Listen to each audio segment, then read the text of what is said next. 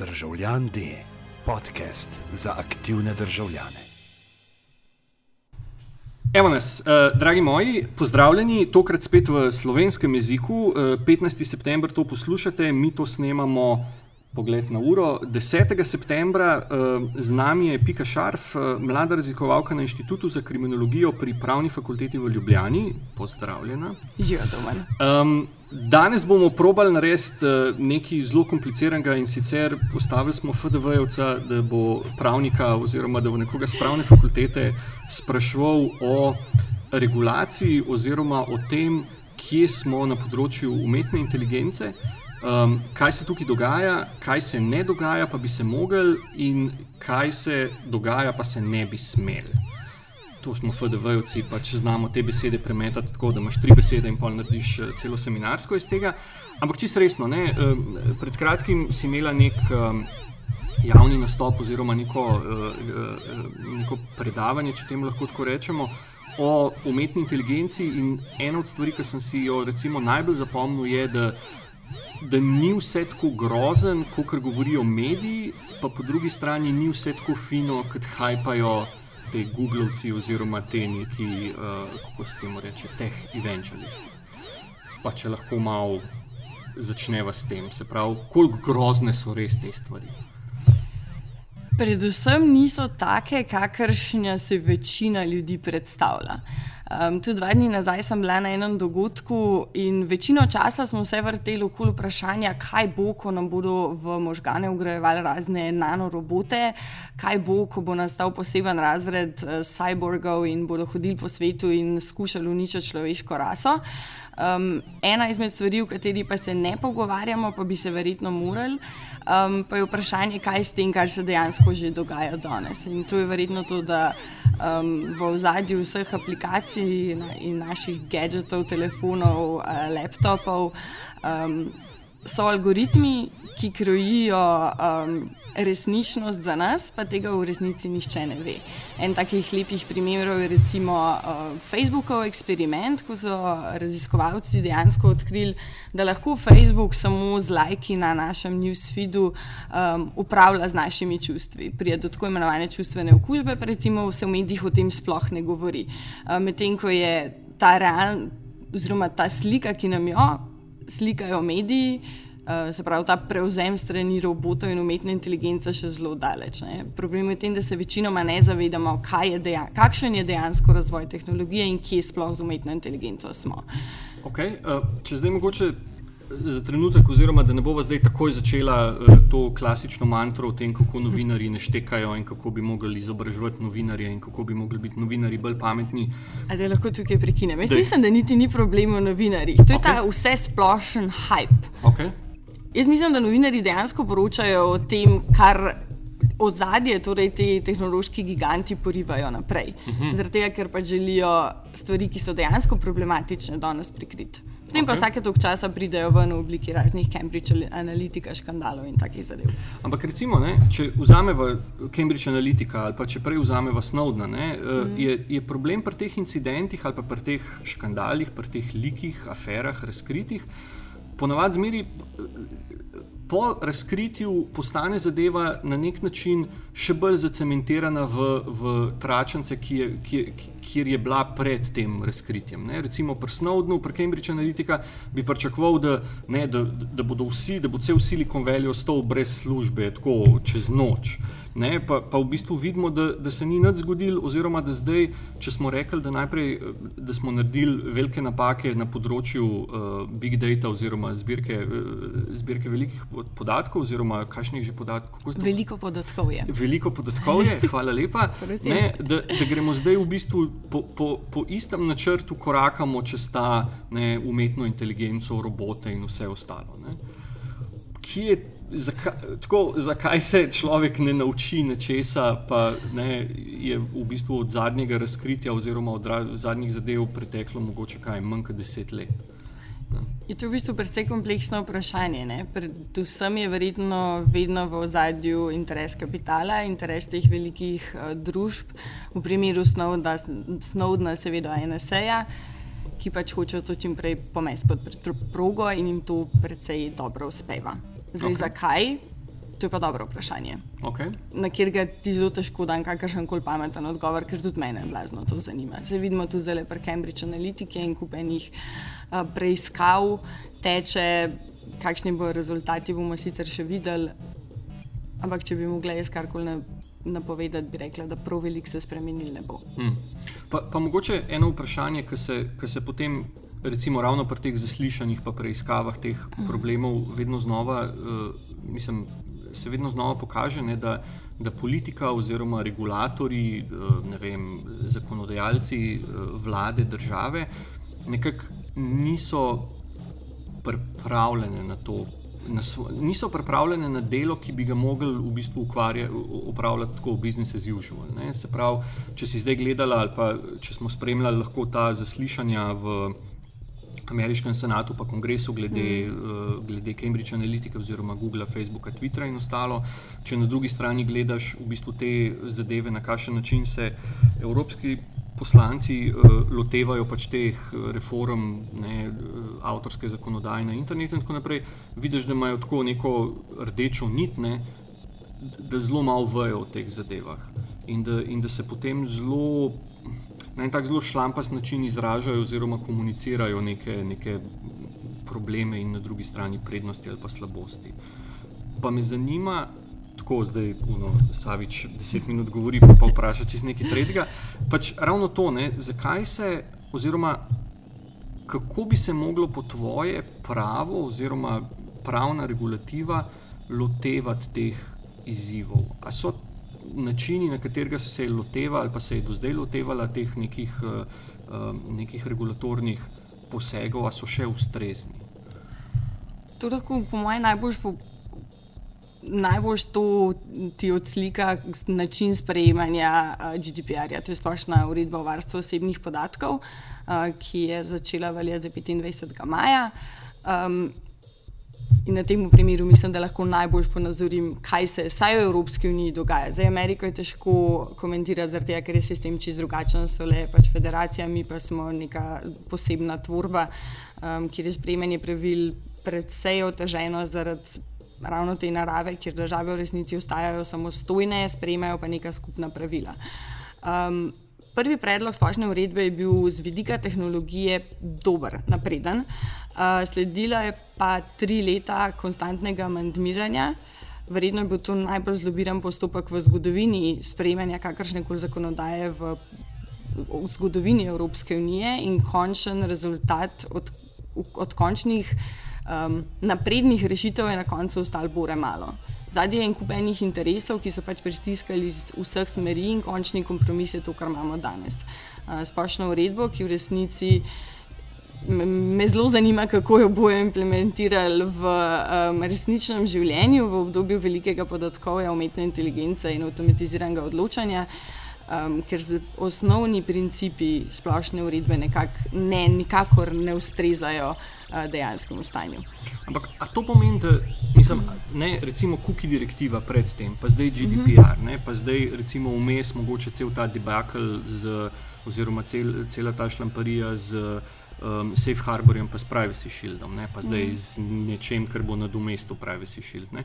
A to pomeni, da, da A to pomeni, da dvignemo roke in rečemo, ok, pravo nas tukaj ne bo zaščitilo, čas je, da gremo pač v hosto in si vsak pač tam nastavi pač neke te pasti za robote oziroma za vse to, kar bo še prišlo in potem upajmo na najboljše. Ne, upajmo na Wallija, ne na Terminator serijo. Jaz mislim, da absolutno ne, to ni rešitev. Ne. Potem dobimo scenarij, kakršen ga imajo v ZDA oziroma na Kitajskem. Kitajska je sploh ekstremen primer. Um, tam se kršitve oseb, varstva osebnih podatkov dogajajo na taki ravni, da si evropejci sploh ne moremo predstavljati. In kljub temu, da uh, večkrat slišimo, da je v Evropi, ne glede na sprejem splošne uredbe varstva osebnih podatkov, še vedno ni zadostno, jaz mislim, da vsem vse smo prvi na svetu, kar se tega tiče. Um, zdaj, ali je to dovolj, je zelo težko reči. Ne vem, jaz mislim, da pravo ne sme dvigniti roko od tega, ker dobimo potem te črne scenarije, o katerih ti govoriš. Mm. Pa, če se vrnemo zdaj na, na umetno inteligenco, ne, um, začela smo v bistvu um, s tem, da, da ni vse tako hudo. Recimo, da je biti najprej optimista, pa bo pa eh, pesimizirala. Da ni vse tako hudo, ne, da te roboti niso zdaj, da komi čakajo, da nam bodo pojedali eh, možgane, oziroma da ne boh ne da je robotu puške v roko, ker bo naredil najslabšo možno stvar. Kje se trenutno po tvojih izkušnjah, oziroma po tvojem vedenju, nahaja v bistvu ta da ne rečem, robotska scena. Treba je ločevati dve stvari. Um, ko govorimo o umetni inteligenci, imamo dva pojma, ki sta precej različna. Prva je um, ta um, umetna inteligenca, ki lahko upravlja samo določene naloge. In to je to, kar poznamo danes. To je, torej so algoritmi, ki znajo prepoznavati slike, ki znajo prepoznavati naš govor, brati tekste, tudi generirati tekste. To je v resnici, ne vem, Siri, Alexa, to so te stvari. In tukaj smo pri razvoju to, tukaj je razvoj danes, to danes počnemo in to danes zna početi umetna inteligenca dokaj dobro. Um, Medtem ko si večina ljudi umetno inteligenco predstavlja v tem um, artificial general intelligence oziroma celo artificial super intelligence, kar je pa nekaj čist drugega. To je ta umetna inteligenca, ki bo sposobna reševati vse težave, ne glede na to, kakšno okolje jo daš, o, pač rešuje in se uči sama. Um, tukaj smo pa še zelo daleč. Zdaj, napovedati, kdaj se bo dejansko zgodil nek velik preboj na tem področju, je zelo težko, ker kakršna koli um, napovedovanja so v resnici precej brezpredmetna. Nekateri to povezujejo, um, ta preskok z razvojem kvantnega računalnika. Zdaj, je to res ali ne, so spet špekulacije, ampak tukaj smo pa še zelo daleč. Mi ne poznamo nikakršne umetne inteligence ali robota, ki bi znal upravljati stvari kar tako, da ga postaviš v sobo, rečeš, uči se sam in bo čez tri dni znal posnemati človeka, um, in ne bomo več znali uh, ločevati, da je to človek ali ne. Um, in to, to je ta glavna razlika. Ne? Mi se v resnici ukvarjamo večino časa s to super inteligenco, ki je še ni, ki ne vemo, kdaj bo ali sploh bo, uh, medtem ko ta inteligenca, ki deluje samo na specifičnih področjih, se pa razvija kar dobro in se implementira in se uporablja. Samo vidimo je. Ne? To je tudi ta razlika ne, med robotom in med umetno inteligenco. Pač umetna inteligenca je ljudem nevidna, nezaznavna, zaradi tega nekako na njo nismo prav zelo pozorni. Ampak recimo, če si gledal ta Google event pred parimi meseci, uh -huh. uh, ko se je pogovarjal z Google asistentko. Uh -huh. uh, ta, ta del je pa že malo strašljiv. Vprašati se moramo, ali želimo komunicirati z nekom, za katerega mislimo, da je človek, po resnici ni. -huh. Ampak to je, recimo, pa če greva zdaj mogoče malo ravno na to področje, ne, kjer, kjer se boš mogel ob vsakem uh, posnetku, oziroma mogoče celo fizičnem dogodku, najprej deklarirati, moje ime doma in nisem robot. Ne, zato, da bomo imeli pač te disclaimerje, uh, tako kot kuki direktiva, pač označene. Uh, kako, oziroma na kakšen način se. Ali pa se spomniš kakšnega primera, ki je bil v preteklosti že recimo, razvit na, na podoben način in kakšne so bile takrat rešitve. A so rešitve dejansko, pač tako kot pri GDPR-u, tako kot pri Kuki direktivi, sam neki disclaimerji, oziroma najprej se strinjajte s pogoji uporabe, da ne rečem sveta, in potem lahko delate krčte. Ne vem, verjetno se bomo morali v prihodnosti vprašati, ali je to vrednota, ki jo želimo zaščititi. To je za meni zdi glavno vprašanje. Ima vsak človek pravico do tega, da ve, koga ima na drugi strani? To je vprašanje.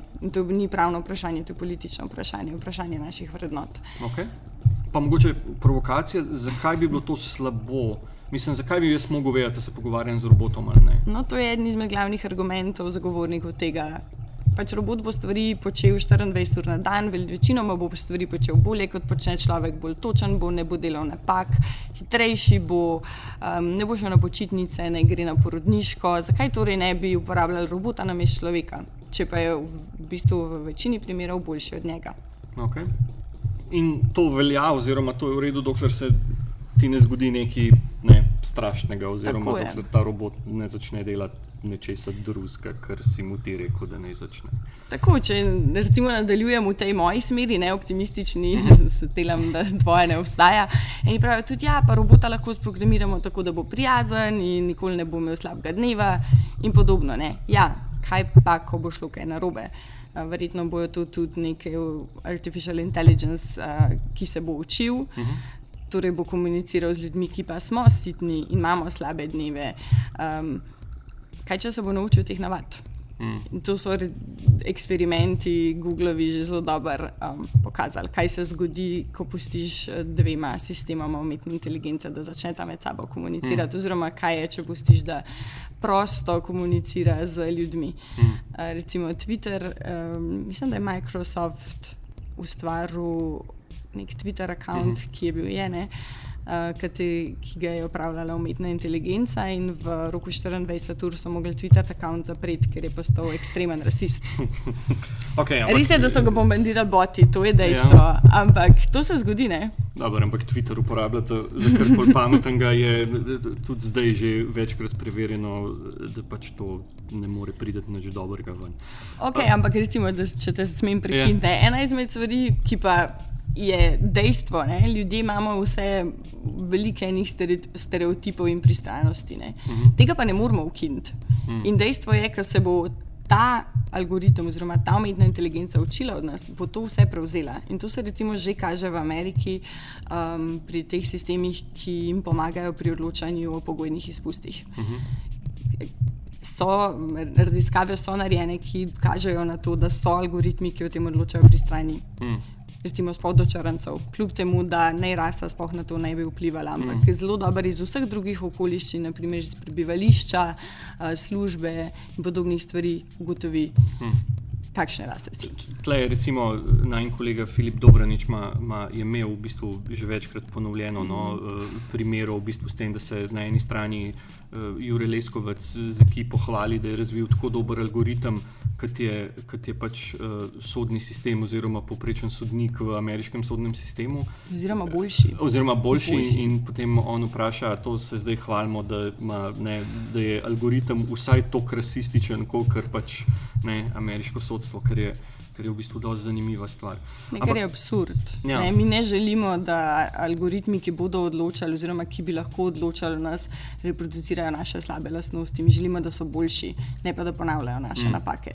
Ampak obstaja, obstaja rešitev, ali pa kako ti gledaš na ta problem ali pa izziv tega tehnodeterminizma? V smislu, da vedno znova se, ko se lansira neka nova tehnologija, ko se predstavlja neke, bodi si neke nove gadžete oziroma neke nove storitve, bodi si, ko se načrtuje neke eh, širše ali pa bolj uh, konkretne, mislim, širše, no, uh, v bistvu razvojne smernice, zmeri se nekako uh, v bistvu do te tehnologije obnašamo, kot da že ima ne, lastno pamet in da kaj boš drugega naredil, ne, tehnologija to hoče, ne, zdaj pač moramo to delati, ne, zdaj smo na pol prisiljeni, ne moramo drugega narediti, kot da naredimo to, kar ne, tehnologija narekuje od nas, ne, kar je v bistvu dosti paradoksalno, ne, če, če tehnologija govori nam, kaj delamo, ne, pa tle damo potem efekt iz uh, Twilight Zone, ne, kdo je pol v bistvu robot.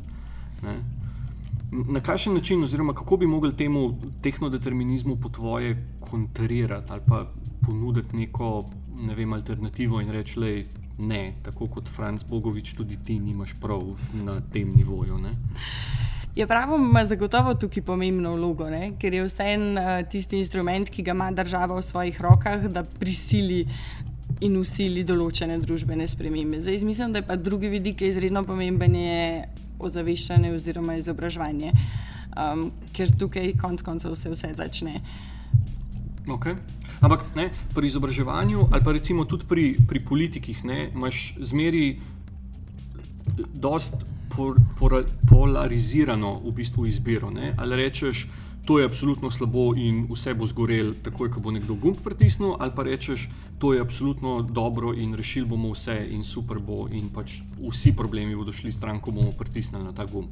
Ampak se ti ne zdi, da imaš tudi eno umestno pot, ki je pa mogoče na sredi med obema, dve, obema skrajnostima. To te sprašujem. To je ta pač, resnica. Kje bi bila ta srednja pot, oziroma kako bi to srednjo pot prodali, ker to je zelo tako ne. A veš, pol nisi, pol nisi doomsayer, oziroma pol, pol te nimajo oni radi, ki bi radi slišali, da kako bo vse grozen, niti te nimajo radi oni s propelerji na glavu, ki bi radi slišali, kako bo zdaj to vse, kako bo zdaj vse lepo. Ne? Ne, mislim, da jim je treba vsako novo tehnologijo, ne glede na to, o čem zdaj govorimo, se je začel se je že z internetom ali pa verjetno še s čim prej, predstaviti kot nek dvorezen meč, ker to tudi je. Vsaka tehnologija, nobena tehnologija ni sama po sebi dobra ali pa sama po sebi slaba. Slabi smo mi, ki jo na tak način uporabimo. Um, in to, da jim predstaviš obe možnosti, oziroma in pozitivne in negativne lastnosti, ja, verjetno bi nekaterim se s tem um, zameril, zaradi tega, ker jim ne bi olajšal njihovega dela in jim rekel, ok, to je tako in to je edina pravilna resnica. Ampak mislim, da kar nekaj bi bilo pa vsem srečnih, ker bi videli, da obstajajo ja, dva pola in neka srednja pot. Ker tudi pravo ni nujno, da vsako tehnologijo označi oziroma reče, da je slabo in to je dobro. Mi iščemo srednjo pot. Okay. Ampak, ampak je to recimo, ravno pri teh neutralnih tehnologijah, ki so neutralne samo po sebi, imam jaz problem zaradi tega, ker pač tehnologija sama po sebi kot da je ne bi bilo. Ne? Če pustiš motorno žago v gozdu ne, in je noben ne uporablja, je to pa še motorna žaga. Oziroma, je ne, to, mislim, tam pač gnije, oziroma tam pač ne gnije, um, gnijejo biološke zadeve, tam pač uh, razpada, je vi nek kup železa in, in jekla. Vse to je, ne? v resnici tehnologija sama po sebi ni, ni tista, ki rabi regulacijo. Regulacijo rabi, ko pride v odnos z nami. Hmm. Okay recimo.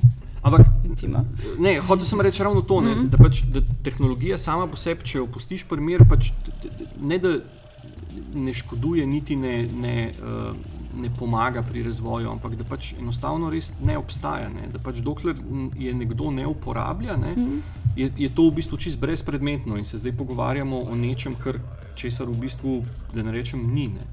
Razen mogoče pri AI-ju, ki bi znal delati kakšne zadeve samo od sebe oziroma ki dejansko ne bi rabil, ne bi rabil mogoče samo unga, da bi mu prišel, ne vem, ležaj namazati, pa še to bomo najbrž imeli nekega robota, ki bo pač. Sam spet ne, se umetna inteligenca ne dela sama od sebe. Ti mu nekdo mora spisati program, nekdo mu mora dati podatke, nekdo mu mora povedati, kaj ne počne. Mi umetne inteligence ne, dam, ne postavimo v neko prazno sobo, pa rečemo, da mislim, v vsakem primeru smo mi tisti, ki jim dajemo ukaze. Uh mhm. -huh. In to se mi zdi tudi ena izmed ključnih stvari, no, da se moramo osredotočiti na to, da smo še vedno mi v centru naše družbe in ne umetna inteligenca. Nismo družba umetne inteligence oziroma družba algoritmov, ampak smo še vedno ljudje, središče tega vesolja in mi tisti, ki imamo nadzor. Ja, umetna inteligenca je blazno močno urodje, ampak je samo urodje, urodje, ki pač ostaja v naših rokah. Kaj bomo z njo naredili? Je naša odločitev. Okay. Kupam, ampak potem imaš problem, oziroma jaz vidim recimo problem, ki se je začel s trendom tega uh, velikega podatkovja, ne, mm -hmm. kjer, je bil, kjer je bilo v bistvu v smislu, okay, je več podatkov, boljše odločitve. In potem smo začeli zbirati te podatke, oziroma delati te silose, in potem smo naenkrat ugotovili, da okay, mi tega ne znamo obdelovati. Oziroma, človek ni sposoben pač fizično, oziroma pač sam po sebi preveriti teh zadev, in so odločitve, da ne rečem, enako slabe, kot prej, ko vseh teh podatkov nismo imeli. In so potem prišli te propellerheadi in so rekli, da imamo zdaj drugo rešitev za vaš problem, ki je v bistvu naša rešitev. Ne, se pravi, problem A uh, je naša rešitev A, zdaj imamo rešitev B za problem A. In to je ne, umetna inteligenca oziroma algoritmi, ne, ki vam bodo pomagali prefiltrirati vse to, kar je res grozen, pa se iz teh podatkov odločiti. Ne.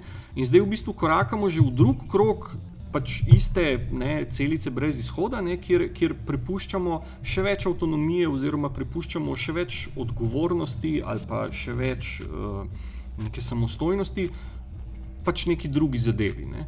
Se pravi, neki, ki ne vemo, kako deluje. Ki ne ja. vemo, kako deluje, oziroma kako se bo obnašala, kakšna bo naša vloga, kako bomo zdaj mi pozicionirani in tako naprej.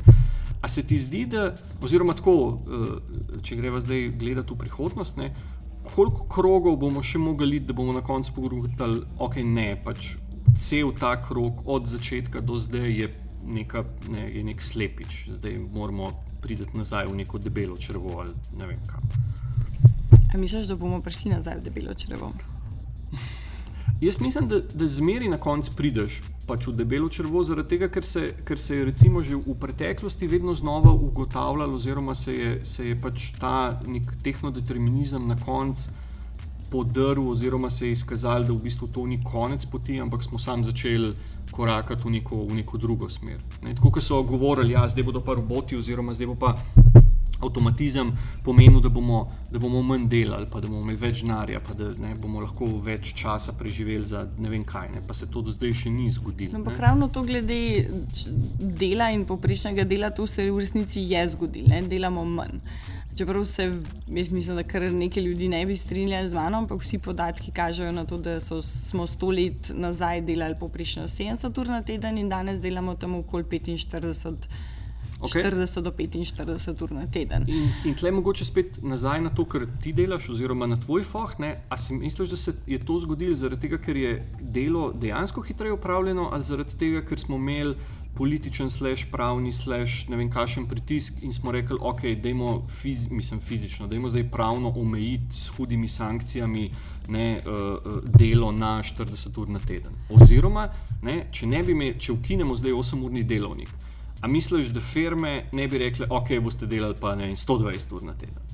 Jaz mislim, da je oboje. Okay. oboje. Ja. Predvsej odvisno od poklica.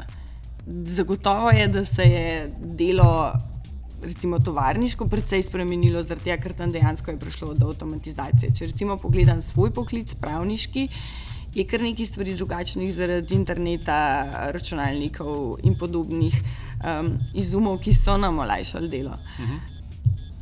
In tukaj, verjetno, pri teh poklicih je definitivno pravna regulacija tista, ki omejuje. In tukaj, oziroma pri kar nekaj a, eh, takih poklicev, verjetno ta številka 40 do 45 tudi slučajno ne drži. Hmm. A, kaj bi se zgodilo, če bi to pravno regulacijo omaknili?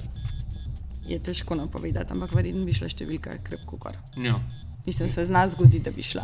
Ker, ker jaz, sem, jaz, mislim, jaz sem fan tega, da, mislim, tega pristopa, da se v bistvu o, o, družbenih, o družbenih problemih, oziroma da družbene probleme rešuješ na neki družbeni ravni, če temu tako rečeš. Ne? Da to ni zdaj v naravi dela, da se, da se ne, recimo, konkretno dela, ne? da se to kar omeji samo po sebi. Da tle v zadnji je, je zelo velik nekih fokusiranih pritiskov v točno določeno smer šlo, ne? da ni bilo to nič kot že rečeno, nekaj naravnega, v smislu, da zdaj pa dan je vem, 24 ur in pač to moramo zdaj nekako potalati te ure. Ne. Um, pa mogoče še, ker greva počasi proti koncu, uh, eno vprašanje glede. Spet mogoče glede te prihodnosti, oziroma tega, nek, tega hajpanja, da rečem, teh umetnih inteligenc, slash robotov, slash avtonomnih sistemov, slash vsega tega v medijih kje misliš, da bo prišlo do, če lahko to napoveš ali pa oceniš, uh mhm. -huh. kje misliš, da bo prišlo do naslednjega, recimo temu Snowden, slash uh, Cambridge Analytica, slash neke, neke večje prometne nesreče na tej poti? Omenila si Kitajsko, omenila si Ameriko, omenila si Evropo, ti sistemi na nek način postajajo vedno bolj nekompatibilni med sabo. Ne? Tako. Jaz mislim, da če bi mogla napovedati, pa to zelo ne rada počnem, bi rekla, da bo naslednja velika težava eh, povezana z kibernetsko varnostjo v povezavi z umetno inteligenco. Um, okay. Zaradi tega, ker že danes vemo, da imamo s tem hude težave, pa se o tem sploh ne govori. Um, zelo mi je zanimivo, da se o tem ne govori prav veliko, ampak zdi se mi, da je mogoče to zaradi tega, ker vsako leto pride neka nova vroča tema in potem o njej govorimo. Lani so bile to kriptovalute, pa vidimo, kaj se je zdaj z njimi zgodilo. Letos smo vsi, um, oziroma je ta hype uh, glede umetne inteligence in robotov. Um, vse skozi imamo po resnici kar velike težave s kibernetsko varnostjo. Okay. In ko se bojo ti napadi kibernetski združili z umetno inteligenco, kar vemo, da se zna zgoditi, bomo imeli hudo težavo, ker bojo naše ranljivosti v naših računalniških sistemih, mi smo pod njih vedno bolj odvisni. Okay. To je recimo vem, ekvivalent, če mogoče čez za konec, mm -hmm. za konec eh, predebatiramo, mogoče še ta uh, vidik teh pametnih mest oziroma nekih ne, pametnih tehnologij. Točno to je to. Um, ne samo pametnih mest, pametna mesta so en vidik, ki, ki je problematičen. Mislim, v resnici si ne predstavljamo danes življenja brez, brez elektrike, brez vode. Um, pa so to vse sistemi, ki so danes na nek način povezani z internetom in zato ranljivi v Sloveniji. Recimo je javna uprava večkrat dokazano bila napadena in izredno ranljiva, pa imajo en, en kup naših podatkov, osebnih in tudi najbolj ranljivih. Um, če gremo pa bolj na to mikroraven, raven posameznika, mislim, vsak od nas dnevno nosi vsaj telefon v žepu. Po možnosti ima še kakšno nosljivo napravo, ki mu uh, treka njegove osebne, oziroma ne osebne zdravstvene podatke, tu se vse kopič In ko to vse skupaj zberemo, ugotovimo, da nam lahko en kup enih podatkov zelo na hiter način um, ali ukradejo kot podatke, po drugi strani pa onemogočijo dostop do nekih kritičnih um, dobrin, ki brez katerih v življenju si ne moramo več predstavljati. Okay. Uh, jaz da potem lahko upamo na, na pametne robote, ki nam bodo zrihtali to zadevo. Ne? Očitno ljudje nismo. In bodo bolj pametni od tistih zlobnih robotov, to je ključna stvar. Tako. Ker če bodo tisti um, dobri, um, pametnejši od zlobnih, potem smo rešeni, v nasprotnem primeru pa niti ne. Moj robot lahko razbije tvojega robota. Tako. Evo nas, eh, dragi moji, eh, prišli smo do konca.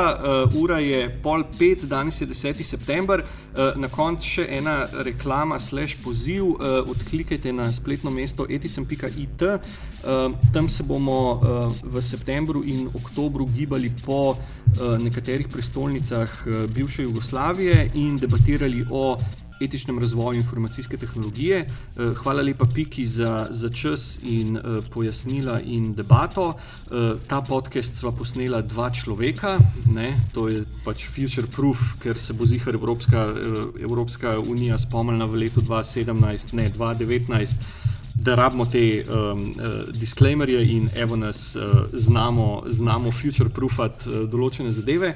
Um, slišimo se spet čez en mesec, 15. oktober, do takrat pa naj vaš robot uh, pretepe sosedovega.